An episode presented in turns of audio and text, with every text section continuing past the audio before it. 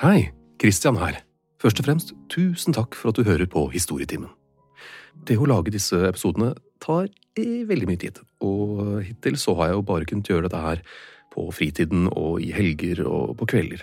Og da blir det jo ikke så mange episoder i året. Men hvis jeg kunne gjort det på dagtid, da kunne det plutselig blitt en god del flere. Men det er jo avhengig av støtte, så derfor lurer jeg på følgende. Kunne du vært interessert i å betale en liten sum for å høre på Historietimen? La oss si 29 kroner i måneden, eller 49 kroner i måneden, eller ja. Svaret skriver du rett i Spotify-spilleren din hvis du bruker Spotify, og hvis du bruker en eller annen spiller, så send gjerne en mail til hei at gjenklangstudio.no med svaret ditt. Hei at gjenklangstudio.no. Sånn, da er det bare å starte episoden. Igjen, tusen takk.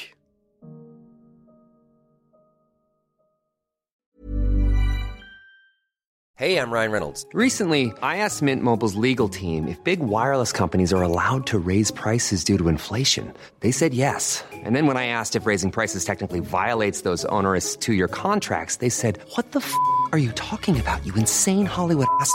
F- So to recap, we're cutting the price of Mint Unlimited from $30 a month to just $15 a month. Give it a try at mintmobile.com slash switch. $45 upfront for three months plus taxes and fees. Promo rate for new customers for limited time. Unlimited more than 40 gigabytes per month. Slows. Full terms at mintmobile.com. Hold up. What was that? Boring. No flavor. That was as bad as those leftovers you ate all week. Kiki Palmer here, and it's time to say hello to something fresh and guilt-free. Hello Fresh. Jazz up dinner with pecan-crusted chicken or garlic butter shrimp scampi. Now that's music to my mouth. Hello Fresh. Let's get this dinner party started. Discover all the delicious possibilities at hellofresh.com. Millions of people have lost weight with personalized plans from Noom, like Evan, who can't stand salads and still lost 50 pounds. Salads, generally, for most people, are the easy button, right? For me, that wasn't an option. I never really was a salad guy. That's just not who I am. But Noom worked for me. Get your personalized plan today at Noom.com. Real Noom user compensated to provide their story. In four weeks, the typical Noom user can expect to lose one to two pounds per week. Individual results may vary.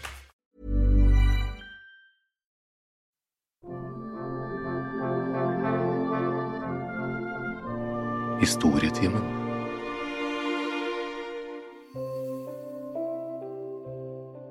I 1889 ble Ludvig Wittgenstein født.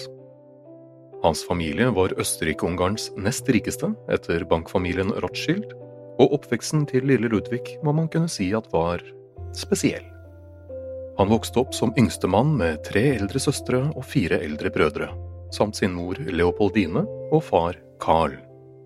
Faren Carl var en industrimagnat og en av Europas rikeste personer, og oppdro sine sønner til å bli perfekte arvinger. Altvitende konkurransemennesker og harde som stål. Rett og slett beinharde industrimagnater som han selv. Han var en ekstrem perfeksjonist som ikke visste hva ordet empati betydde, samtidig som at Leopoldine var ekstremt usikker og nevrotisk. Sjeldent en god kombo for gode oppvekstvilkår for barn. Selv om tre av fire av besteforeldrene var av jødisk avstamning, ble alle barna døpt og oppfostret i en svært streng katolsk linje.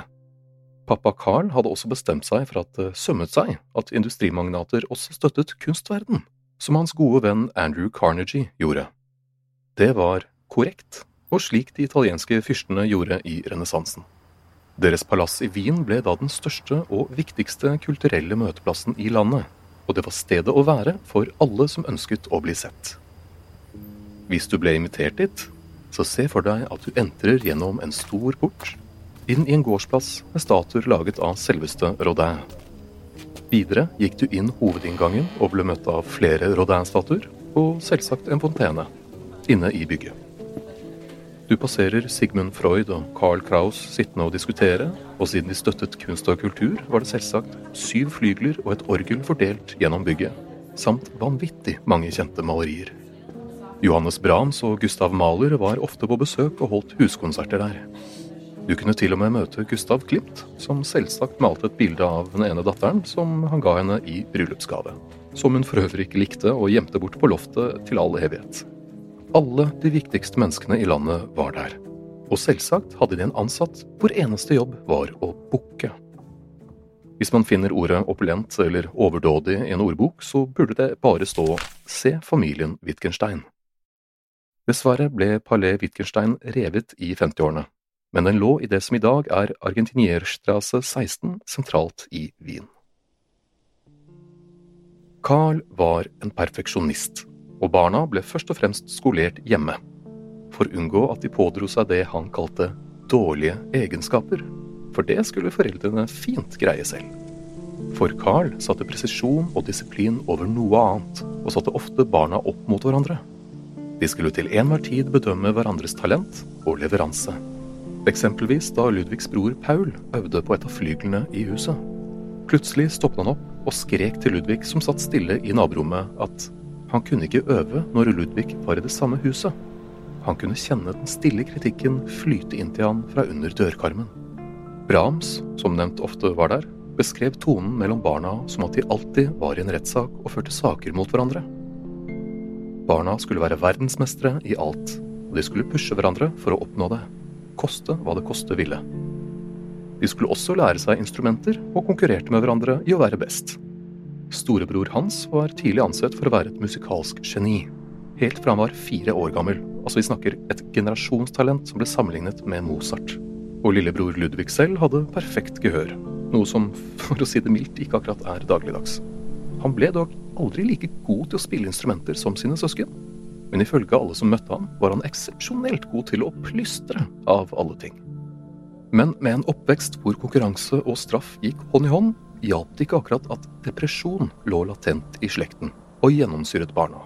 Samtidig som de aldri visste hvordan deres mors lynne ville være, eller om faren ville skjelle dem ut for noe. Det var ytre press og indre press. Og alle slags demoner. Først tok musikkvidunderet Hans livet sitt ved å drukne seg selv i USA. Hans far hadde blitt svært irritert over hvor usedvanlig talentfull han var, og begrenset sterkt hvor mye han fikk lov til å utøve lidenskapen sin. Altså, Han skulle jo strengt tatt bli en forretningsmann som sin far, ikke en komponist eller noe slikt tøys. Litt motstridende oppdragelse der, kan man si. Du skal bli kjempegod i et instrument, men for guds skyld ikke utøv det. Hans flyktet derfor hjemmefra og for over dammen til Statene men det var visst dessverre ikke nok for han. To år etter at Hans tok sitt liv, tok broren Rudi sitt liv i en bar i Berlin. Han var 22 år gammel og studerte kjemi i byen, og spurte pianisten i baren om å spille en sang av Thomas Korsatz ved navn Verlassen, Verlassen, Verlassen bin ich. Verlassen kan bety å forlate, rømme eller å gi opp. Mens sangen ble spilt, blandet han seg en drink bestående av melk og cyanid, og tok sitt eget liv. Ifølge selvmordsbrevet sendt til sine foreldre var det fordi han var knust etter dødsfallet til en venn, men ut ifra selvmordsbrevene han skrev til sine venner, var det fordi han var homofil, noe familien og samfunnet generelt på den tiden så på med avsky. Den avskyen slet også Hans og Ludvig med. Ikke bare var de jøder, de var homofile også. Den svært strenge katolske oppveksten deres fortalte dem jo at her var det jo bare å hate seg selv. Av brødrene var det bare Paul som virket til å kunne foretrekke det andre kjønn. Pappa Carl nektet familien etter dette å nevne Hans eller Rudi ved navn. Ludvig selv innrømmet at helt fra han var ti år gammel, jevnlig hadde tenkt på å ta sitt eget liv. Hans tre søstre var også spesielle. Hermine, Helene og Gretel. Hermine var eldst og kom aldri til å gifte seg. Det sier sitt når du er blant verdens rikeste og beilerne allikevel unngår deg som pesten. Helene var et like nevrotisk vrak som sin mor, og absolutt ingen likte Gretel, selv ikke hennes mann, som for øvrig også endte med å ta sitt eget liv. Så, familien Wittgenstein kort oppsummert av de som kjente dem. De hadde kort lunte, vanvittige humørsvingninger, var nevrotiske med masse selvhat og tenkte konstant på selvmord. Men så hadde de masse penger, da. Yay. Etter å ha mistet to av sine sønner myknet pappa Carl bitte litt opp og lot Paul og Ludvig begynne på vanlig skole da Ludvig var 14. Problemet var bare at de jo ikke hadde noen formell skolegang frem til da, bare diverse professorer som hadde skolert dem hjemme, så de måtte ta opptaksprøver i fag de strengt tatt ikke hadde tatt, for å prøve å komme inn på skoler. Det gikk ikke så bra, så Ludvig kom ikke inn på de skolene faren hadde sett for seg. Samt at han ikke hadde lært en døyt av det andre barn hadde lært. Mens han hadde memorisert greske tragedier og lært latin og filosofi, hadde de andre barna lært å stave. Noe så grunnleggende hadde han ikke lært, og det var noe han alltid ville slite med. Med mye ekstrahjelp kom han akkurat inn på en liten teknisk realskole i byen Linz, et godt stykke unna Wien. Der bodde han hos familien til doktor Josef Strigel, en lærer på et nærtliggende gymnasium, det som vi i dag kaller videregående. Skolehverdagen var ikke akkurat en dans på roser for lille Ludvig. Han stammet, gikk kledd og hadde ordforrådet til en aristokrat, mens han gikk på en liten skole for hvermannsen. Samtidig foretrakk han sitt eget selskap og var en sensitiv sjel. Mer skal ikke til for å ende opp som mobbeoffer. Stammingen ble han for øvrig aldri kvitt. På skolen endte han opp i klasse med en annen kjent østerriker med issues, selveste Adolf Hitler. De var faktisk født bare seks dager fra hverandre. Hmm, kanskje det var her Hitlers jødehat begynte? Nei da, det var det nok ikke. Ludvig hatet jo seg selv mer enn nok fra før av, bare for å komme fra en jødisk slekt. Først og fremst via de harde katolske religionsstudiene hjemme, men etter at søsteren hans tipset om en østerriksk filosof ved navn Otto Weininger, som han leste opp på, var han helt sikker. Han var søppel. Jøder som han var forferdelige. Filosofen Weininger mente for øvrig også at kvinner på generell basis var dumme, og at seksualitet var immoralt. Fine ting å henge seg opp i som lett påvirkelig tenåring. Adolf og Ludvig skulle for øvrig ikke være i samme klasse lenge, da Ludvig ble sendt en klasse opp fordi han var en gluping, mens Adolf måtte ta ett år om igjen fordi Adolf. Så selv om de var like gamle, endte de med å ha to klassetrinn mellom seg. I karakterkortet sitt, husk nå at han var ett år yngre enn de andre i klassen, endte Ludvig opp med fem, altså toppkarakter, i religion, surprise, fire i tysk, kjemi, geometri og frihåndstegning, som var et fag, tre i fransk geografi, historie, matte og fysikk, og til slutt to i oppførsel. Etter vanlig skolegang kom han inn på ingeniørstudiet i Berlin. Her ble han veldig interessert i aeronautikk, altså fly og alt det innebærer. Han hadde fra barnsbena av vært veldig interessert i hvordan ting hang sammen, og tok fra hverandre mekaniske ting før han satte dem sammen igjen. Da han var bare ti år gammel, bygde han en symaskin av tre. Etter fullført grad her dro han til Manchester for en doktorgrad, med bagasjen full av tegninger av propeller og fly. Her ble han fort svært frustrert over det fysiske han måtte gjøre for å bygge de ulike delene. Ting som han så for seg i hodet, fikk han ikke helt til i praksis, og han fant ut at han var mye bedre på teori enn det det praktiske sluttproduktet innebar. Men dette betød også at han måtte lære seg selv svært avansert matematikk. Etter bl.a. å ha lest Bertrand Russells The Principle of Mathematics var han solgt. Han ble faktisk helt oppslukt, og alt han tenkte på og snakket om, var logikk og teoretisk matematikk. Han forlot en dag derfor Manchester og dro til Cambridge, hvor hans nye helt Bertrand Russell var professor. Ludvig var på Russell som en klegg hele tiden. Ikke bare i forelesningene, han fotfulgte han overalt for å snakke om logikk, matematikk og filosofi. Dette plaget professoren veldig til å begynne med. Ikke rart. Men etter hvert som han leste mer av hva Wittgenstein skrev, så snudde han helt. Som han skrev i et brev til sin elskerinne, lady Ottoline Morell. Jeg føler han vil løse alle problemene jeg selv er for gammel til å løse. Han er den unge mannen man håper på. Å komme inn på Cambridge gjorde underverker for Ludvig. Russells oppmuntring og samtaler gjorde at den mørke tåken som hadde sløret blikket hans, klarnet opp. Ni år med depresjon og konstante selvmordstanker tar på, men nå, nå så det bedre ut. Han hadde funnet sin mentor, sitt fag og sin scene. Han møtte også David Pinsent her, som han innledet et forhold til. Ludvig dominerte de kjente filosofi- og diskusjonsklubbene, såpass at de måtte be han ta en pause, for ingen andre fikk inn et ord. John Maynard Keanes, den kjente økonomen, inviterte han til en hemmelig klubb, Cambridge-apostlene. Her var han bare med nå og da, for han likte ikke måten ting ble diskutert på. Etter hvert så kom de mørke tankene og seilatet frem igjen. Med en gang han midlertidig mistet inspirasjon, så ble han helt fra seg. Han klagde til Russell over at han ikke var smart, og bare hadde et halvt talent. Og det at han var tiltrukket av både damer og menn, rev han også i stykker. For han var jo oppdratt som en katolikk, og var selv sterkt troende. Men hvordan kunne han leve, eksistere, puste, hvis han grunnleggende levde i synd? Han følte han bare greide å overleve ved å lene seg på Russell, og sa at han ville ta sitt eget liv hvis Russell en dag forlot Cambridge. Russell skrev også om dette til sin elsker, og hun svarte tilbake at litt kakao var det Ludvig trengte. Ja, spørs om det var nok. Etter en ferie på Island gikk et lys opp for Ludvig. Han tok med seg David Pinsen på en ny ferie for å jobbe med logikk. I 1913 dro de til Norge. De leide seg en hytte i Kvam på Vestlandet og bodde der i tre uker og arbeidet utrettelig. Området var perfekt for Ludvig. Det var fredfullt og isolert, Man fikk en ny giv. Såpass at han begynte å tenke på å forlate studiene ved Cambridge og heller bo i Norge. 1913 skulle være et år hvor mye skjedde for Ludvig. Hans far Carl døde, og det gjorde Ludvig til en av de rikeste personene i Europa. Han ga umiddelbart store summer til veldedighet, da spesielt innen kunst og kultur. Og da vinteren nærmet seg, dro han igjen til Norge for å få arbeidsro. Denne gangen til Skjolden i Lustrafjorden. Her fikk han etter hvert bygget en liten hytte, som på folkemunne ble kalt Østerrike. Her skulle han bo av og på i 20 år. Han lærte seg norsk for å kommunisere med naboene, og dansk for å kunne lese Søren Kirkegård på originalspråket. Men året etter han kom til Norge, skulle mye forandre seg. Ikke bare for Ludvig, men for hele verden. Første verdenskrig braket løs, og Ludvig, han meldte seg til tjeneste. Med ingeniørgraden sin ble han først satt til å jobbe på et skip, før han raskt endte opp på en artillerifabrikk. Her ble han skadet av en eksplosjon i et arbeidsuhell og endte på sykehus.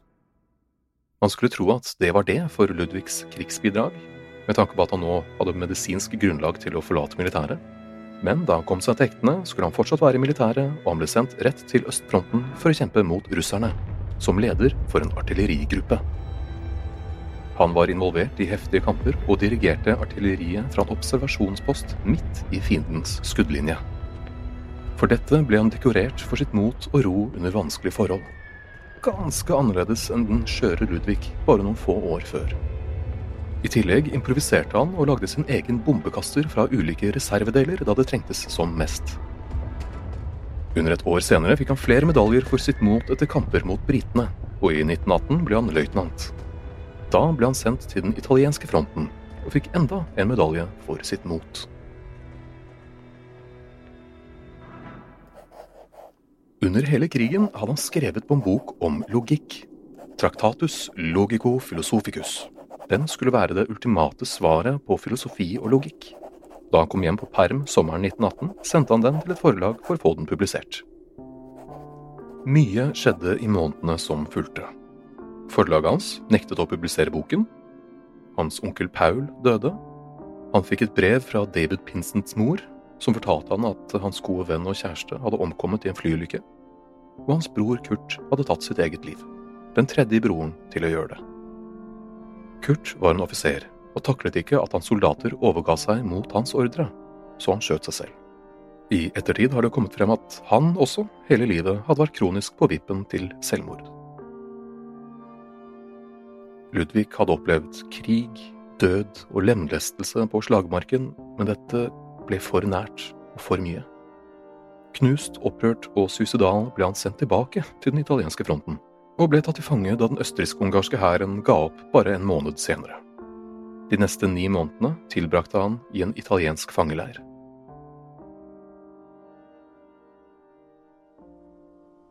Hans bror Paul slet også, ikke overraskende, etter krigen. Han hadde også meldt seg til tjeneste og blitt truffet av en russisk kule, og måtte derfor amputere den ene armen, som er ganske krise hvis du er pianist, som han var. Han ble tatt til fange av russerne og satt i et sibirsk fengsel, beryktet for sin brutalitet. Det samme fengselet, faktisk, hvor Dostojevskij satte handlingen til sin bok I dødens hus. Men da krigen var over, nektet han å gi opp pianokarrieren. I stedet bestilte han spesiallagde verk fra Ravel og Strauss og Prokofjev, verk man kunne spille med én arm. Disse verkene ville jo vært en gavepakke til alle andre pianister som også hadde mistet en arm under krigen men Paul tviholdt på dem selv og nektet andre tilgang. I 1919 kom Ludvig tilbake til Wien, fysisk og psykisk utmattet. Han var et skjelett av sitt tidligere jeg, og snakket konstant om selvmord. Noe som følgelig skremte vettet av søstrene og den siste gjenlevende broren. Bertrand Russell skrev at Ludvig hadde kommet ut av krigen en endret mann. Ikke overraskende, strengt tatt. Nå var han mørkere. Mye mørkere. Han ville leve et enklere liv, og der og da bestemte han seg for to ting. Det første var å kvitte seg med formuen sin. De pengene han ikke donerte anonymt til ulike kunstneriske formål, ga han til sine søsken.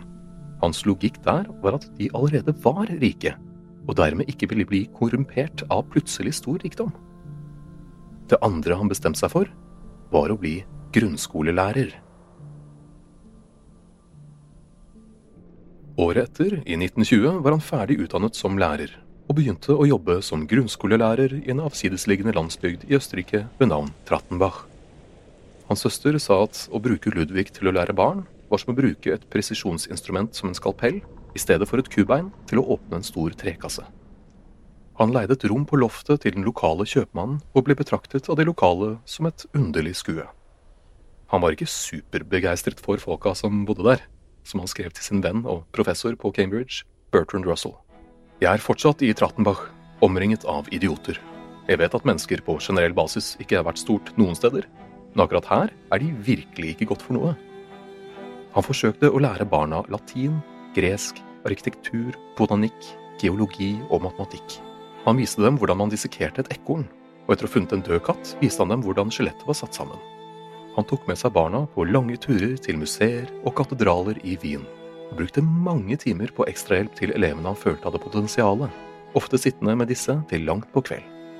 En av disse elevene, som kom fra en lutfattig familie, foreslo han overfor foreldrene at han kunne adoptere og betale for skolegang i Wien as you do. Moren sa faktisk ja, men faren satte ned foten. Han kunne ikke overgi barnet sitt til den gærne fyren, som han kalte Ludvig. For noen av elevene var han en helt, men for de fleste var han et mareritt.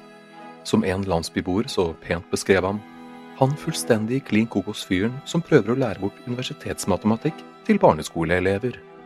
Litt overraskende at Ludvig ikke så likheten mellom hans egen absurde skolegang og det han prøvde å lære barna, det er lurt å lære å stave før man går i gang med avanserte matematiske formler. Her jobbet han inntil det kom frem at han ikke bare ga ørefiker til de guttene som var treige eller som ikke oppførte seg, men også jentene. Landsbyboerne hadde ikke noe mot det første, for det var jo standard på den tiden. En god ørefik var jo en del av oppdragelsen. Men at han fikk til jenter som ikke forsto algebra, nei, det ble for mye for dem. Så han ble sendt av gårde og endte opp i en annen skole. Der ble han i en hel måned, for han ikke orket mer. De er ikke mennesker her, men mark, skrev han til en venn. Han dro så til en tredje skole og skrev til samme venn at han her var ensom, for han hadde ikke noen å diskutere filosofi med. Å leve med mennesker er vanskelig, hvis man kan kalle de som bor her, mennesker. De er mer tre fjerdedels menneske og en fjerdedels dyr. Han hadde gitt bort hele formuen sin til veldedighet og til sin familie, og levde nå svært spartansk. Han nektet å motta støtte fra familien og sendte tilbake julegaver. Som han sa til dem, så ønsket han ikke å leve av penger han ikke selv hadde tjent. En student som hadde lest boka hans, besøkte han på en av skolene han jobbet på, og beskrev livet til Ludvig som ett i fattigdom. Men også på denne skolen fiket han til elever, og endte med å si opp på dagen for å flytte tilbake til Wien for å bli gartner. Han jobbet som gartnerassistent i et kloster og bodde i et verktøyskjul på tomten. Men han unnslapp ikke å fike til elever, for det havnet i media. Det skapte nå store overskrifter at en Wittgenstein hadde fiket til barn på en skole, og det ble faktisk en rettssak. Rettssaken ble ikke overraskende en stor påkjenning for han, og spesielt hans syke, som var skjør på sitt beste. Samtidig som han var gartner og rettssaken pågikk, begynte boken hans, som nå endelig hadde blitt publisert, å skape bølger i verden. Og han ble nå virkelig kjent for arbeidet sitt, ikke bare etternavnet. Ved universitetet i Wien ble det dannet en filosofisk gruppe ved navn Wiensirkelen, som holdt seminarer og diskusjoner rundt boken hans. Gruppen formet etter hvert en filosofi inspirert av bl.a. Bertrand Russells verk og Ludvigs verk kalt logisk positivisme. Ludvig var noen ganger med, og var som oftest helt uenig med de andre. Rudolf Carnap, som også var med i sirkelen, beskrev Ludvig som den filosofen som hadde størst innflytelse på, men som også var mest ulik han i hvordan man skulle løse filosofiske problemer. Om de gangene Ludvig var med i diskusjonssirkelen, skriver han Vår tilnærming til filosofiske problemer er ikke ulik den en vitenskapsmann har til sine problemer. Wittgensteins syn er mer som en kunstner. Hvis han ble lei eller var uenig med oss, kunne han snu seg med ryggen til og begynne med høytopplesning av dikt. Men når han først fikk tak i det han mente og greide å stamme det ut, var det som om vi ble presentert med et nytt kunstverk eller en åndelig åpenbaring. Allikevel var Ludvig fortsatt dypt deprimert, så i 1926 bestemte hans søster Gretel seg for å distrahere han. Hvordan? Jo, ved å be han om å designe interiøret i et nytt hus hun hadde kjøpt i Wien. Det høres veldig bisart ut, men det var akkurat det han trengte, og han gikk møysommelig til verks. Svært møysommelig. Han skulle egentlig bare fokusere på et par elementer, men endte opp med å ha sterke meninger om det aller meste. Etter ett år hadde han designet dørhåndtakene. Faktisk det første moderne dørhåndtaket. Altså, det er han vi kan takke for dørhåndtak som vi kjenner dem i dag. Og etter to år var han ferdig med radiatorene. Gardinene, om man kan kalle dem det, var av metall og veide 150 kilo hver. De styrte han med en talje som han selvsagt hadde designet selv. Han fikk også hevet hele taket i ett rom med 30 millimeter, fordi det da ble korrekt i hans øyne. Han så på bygget som et slags musikalsk verk, et logisk et sådan. Samtidig som han nå jobbet som arkitekt, eller interiørarkitekt, hadde han møtt en jente ved navn Margarit Respinger. Hans søstre var svært fornøyde, ikke bare fordi hun ikke var gutt, men fordi hun hadde en beroligende effekt på ham. Hun forsto ham og hans sinn, og kunne bevege seg rundt i hans verden uten å tråkke over de mange eksentriske grensene hans. Sammen så de westernfilmer på kino, Ludvigs favorittsjanger, og han lagde en byste av henne, som fikk mye oppmerksomhet av hans eminente teknikk. Fordi, ja, selvsagt var han også skulptør. Etter hvert spurte han henne om hun kunne tenke seg å gifte seg med ham, på betingelsen om at de aldri fikk barn. Ludvig sa at han ikke hadde noe ønske om å tilføre flere mennesker inn i denne elendigheten som han kalte livet. Forståelig med tanke på hans oppvekst. Men Margrit derimot hadde et ønske om barn, så det ble ikke dem. Hun giftet seg til slutt med broren til en venn av Ludvig, et avslag som skulle gjøre vondt livet ut. Men huset, huset ble ferdig. Påbegynt i 1926 og ferdigstilt i 1929 var, og er, Haus Wittgenstein et modernistisk kunstverk, skråstrek kuriositet av et bygg og huser i dag deler av den bulgarske ambassaden i Wien. Etter mye masing fra flere professorer og filosofer, deriblant Russell, dro Ludvig tilbake til Cambridge 1929. De var, og hadde lenge vært, overbevist om at han var århundrets geni, og som en av dem skrev til sin kone, Gud har kommet, jeg så han på kvart over fem-toget. Problemet til Ludvig var bare at han hadde jo ikke fullført en grad på Cambridge, han hadde jo dratt til Norge så Russell foreslo at han bare kunne hoppe bukk over det meste og bare levere inn traktatusen sin som en doktorgradtese. På slutten av forsvaret sitt klappet han eksaminandene på skulderen og sa det går bra, jeg vet dere aldri vil forstå dette. Bra cocky oppførsel. Men som den ene skrev i rapporten sin, jeg er overbevist om at dette er helt genialt. Og selv om jeg muligens ikke har forstått det, så er dette langt over hva som trengs for en doktorgrad. Så Ludvig var kjent men eh, i sin samtid, i hvert fall frem til de ble godt voksne, var det broren Paul, pianisten, som var den mest kjente av brødrene. Han turnerte verden rundt for fulle konserthus med sine enarmspianokonserter og høstet, i hvert fall i begynnelsen, meget god kritikk. Han var allikevel, om mulig, enda mer kjent for sine eksentriske sider. Han var besatt på å kunne være alene. Reiste han med tog, så booket han en hel vogn til seg selv. Reiste han med tog med familien, altså hans kone og deres to barn, så booket han to vogner, en til seg selv og en til kone og barn. Da de bodde i New York, innlosjerte han dem i et hus på Long Island, som han besøkte i helgene fra sin egen leilighet på Manhattan. Det var for øvrig hele 29 års aldersforskjell mellom ekteparet, og deres første barn ble unnfanget under en privat pianotime hun hadde med han. Den første pianotimen, faktisk.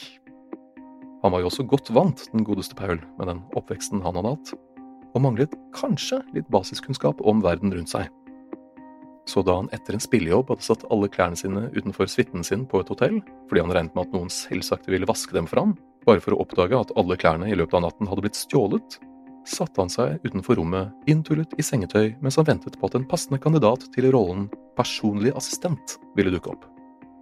Etter hvert kom en dame forbi. Hun var snill og grei, og etter at hun delte den velmenende og utrolige nyheten om at man kunne kjøpe nye klær i noe som heter en butikk, så ble hun ansatt på stedet og sendt for å kjøpe klær. Med en slik oppvekst, og med hver sine eksentriske sider, er det kanskje ikke sjokkerende å høre at de to brødrene ikke kom nevnverdig godt overens. Men tilbake til Ludvig. Samtidig som han jobbet på Trinity, brukte han mye tid på å reise. Han søkte etter en mening med livet, både spirituelt og praktisk. I 1934 vurderte han faktisk sterkt å utvandre til Sovjet for å jobbe, i hans egne ord, som en helt vanlig arbeider. Bare for å dobbeltsjekke besøkte han landet først, og skrotet den planen rimelig kjapt da han så hvordan en helt vanlig arbeider hadde det der. Han begynte også å irritere seg over sitt tidligere verk, Traktatus Philosophicum, og Wiensirkelen som diskuterte den.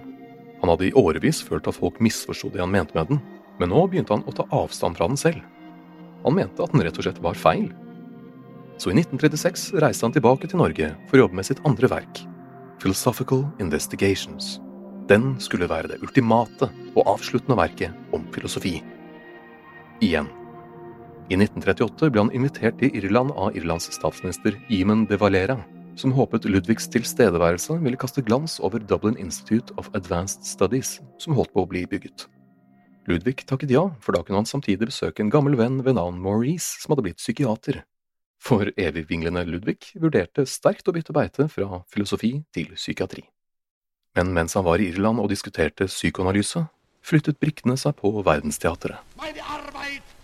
Tyskland annekserte Østerrike. Og Ludvig og hans resterende søsken var nå klassifisert som jøder etter Nürnberg-lovene, også kalt raselovene. Ifølge dem så var du klassifisert som jøde hvis tre eller fire av dine besteforeldre var det, og misling, eller blandet blod, hvis én eller to av dine besteforeldre var det. Ordet misling sender sterke vibber til Harry Potter-universets Mudbloods, med like mye uforståelig hat. Siden tre av fire av besteforeldrene deres var født av jødiske foreldre, var søsknene dermed klassifisert som jøder. Som igjen betød at de ikke kunne jobbe hvor de ville, med hva de ville, eller gifte seg med hvem de ville. Dette skulle partiet kontrollere. Broren Paul var ikke bare jøde, han hadde også fått to barn med en ikke-jøde. Og hadde ikke engang giftet seg med henne. Veldig fy-fy. Og han ble innkalt til å stå for retten. Plutselig forsvant han men han trodde en stund at han var den fjerde broren til å ta sitt eget liv. I virkeligheten flyktet han med dame og barn i all hast, først til Sveits og så til USA. Rett før Tyskland invaderte Polen, ga Hitler blandet blodstatus til alle søsknene, noe som faktisk ga dem rettigheter. I 1939 var det 2100 søknader for å få dette, men Hitler sa bare ja til tolv. Søsknene fikk det etter at de ble enige med Det tredje riket at en av deres forfedre var det uekte barnet til en tysk prins, noe som igjen gjorde at den tyske riksbanken kunne overta vanvittig mye penger, aksjer og 1,7 tonn gull fra familien Wittgenstein. De kjøpte seg fri fra konsentrasjonsleir, rett og slett. Ludvig selv forsøkte nå å søke for å bli en britisk statsborger, og innrømmet nå til sine venner og kolleger at han ikke hadde én jødisk besteforelder, som han hadde sagt til dem, men tre. Antisemittismen sto sterkt også i England på denne tiden, annet representert ved notoriske Oswald Mosley. Men søknaden gikk gjennom, og i mars 1939 ble Ludvig britisk statsborger, og fortsatte å jobbe på Trinity i to år til. Inntil han følte at han måtte vekk og gjøre noe nyttig. Han kunne ikke bare sitte der og lære vekk filosofi mens det foregikk en verdenskrig. Og hva er vel mer nyttig enn å jobbe på et sykehus under en krig? Som lege, skulle vi kanskje tro? Nei, nei, nei. nei som portør på Guy's Hospital i London. Mens han trillet pasienter frem og tilbake ned sykehusets ganger, samt delte ut medisiner, ga han dem allikevel medisinsk råd av typen Jeg ville ikke tatt den medisinen der hvis jeg var deg. På sykehuset ble han også kjent med en ung lege som forsket på traumer hos pasienter som overlevde bomberegnet tyskerne sendte over London under blitsen. Etter blitsen var det ikke så mange å studere, så legen dro til Newcastle for å forske på traumer hos overlevende etter bilulykker og Wittgenstein. Han ble like greit med, han, og jobbet som laboratorieassistent for fire pund i uken. Her jobbet han i nesten et år før han dro tilbake til Cambridge i 1944.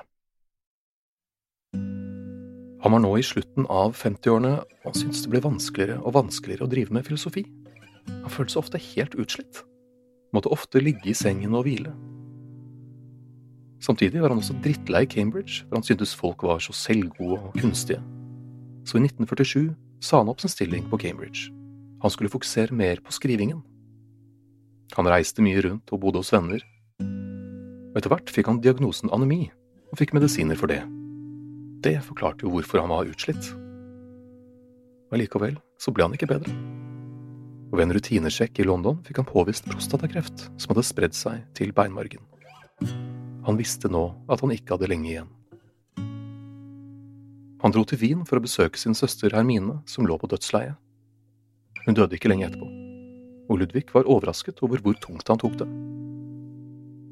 Etter hennes begravelse dro han tilbake til Cambridge og flyttet inn i huset til sin lege. Han sa han ikke ønsket å dø på et sykehus, så han bodde hos dem. 28. april, to dager etter sin 62-årsdag, sovnet han stille inn. Ved hans side var fire tidligere studenter som kom da de hørte at han var veldig syk. Ingen av dem var sikre på hvordan han ønsket å bli begravet, for han hadde i voksen alder gått vekk fra religion. Men i mangel på alternativer fikk han en katolsk begravelse, som hans familie. Han hadde skrevet et testamente ikke lenge før han døde, der han ga alle sine notater til tre personer. Han etterlot seg manuskripter, dagbøker og notater. Til sammen over 20 000 sider med upublisert materiale. Og de tre skulle da, etter beste evne, se om de kunne sette sammen papirene hans til noe helhetlig.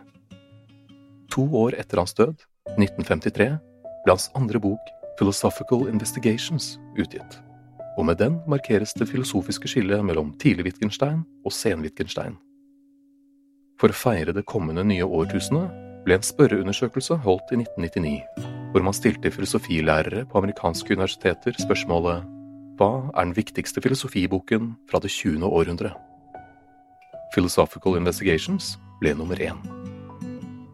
Ludvig Wittgenstein ble 62 år gammel. Han var en ingeniør, arkitekt, designer, oppfinner, botaniker, skulptør, musiker, lærer, professor, forfatter og en av de mest leste filosofene i moderne tid. Man kunne like han eller ei, men jeg tror de fleste kan enes om at han var et geni. Og neste gang jeg tar et dørhåndtak, skal jeg sende en ekstra tanke til en fyr som het Ludvig. Du finner bilder til episodene på Facebook under Historietimen og Instagram under historietimen understrek podkast. Ta gjerne kontakt der hvis du har en idé til en historie du ønsker å få fortalt, eller hvis du lurer på noe. Og om du ønsker det og har mulighet, rate gjerne på din ønskede plattform.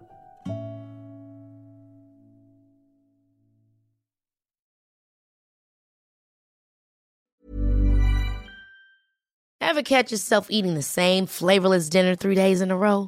Dreaming of something better? Well, HelloFresh is your guilt-free dream come true, baby. It's me, Kiki Palmer. Let's wake up those taste buds with hot, juicy pecan-crusted chicken or garlic butter shrimp scampi. Mm. Hello Fresh. Stop dreaming of all the delicious possibilities and dig in at HelloFresh.com. Let's get this dinner party started.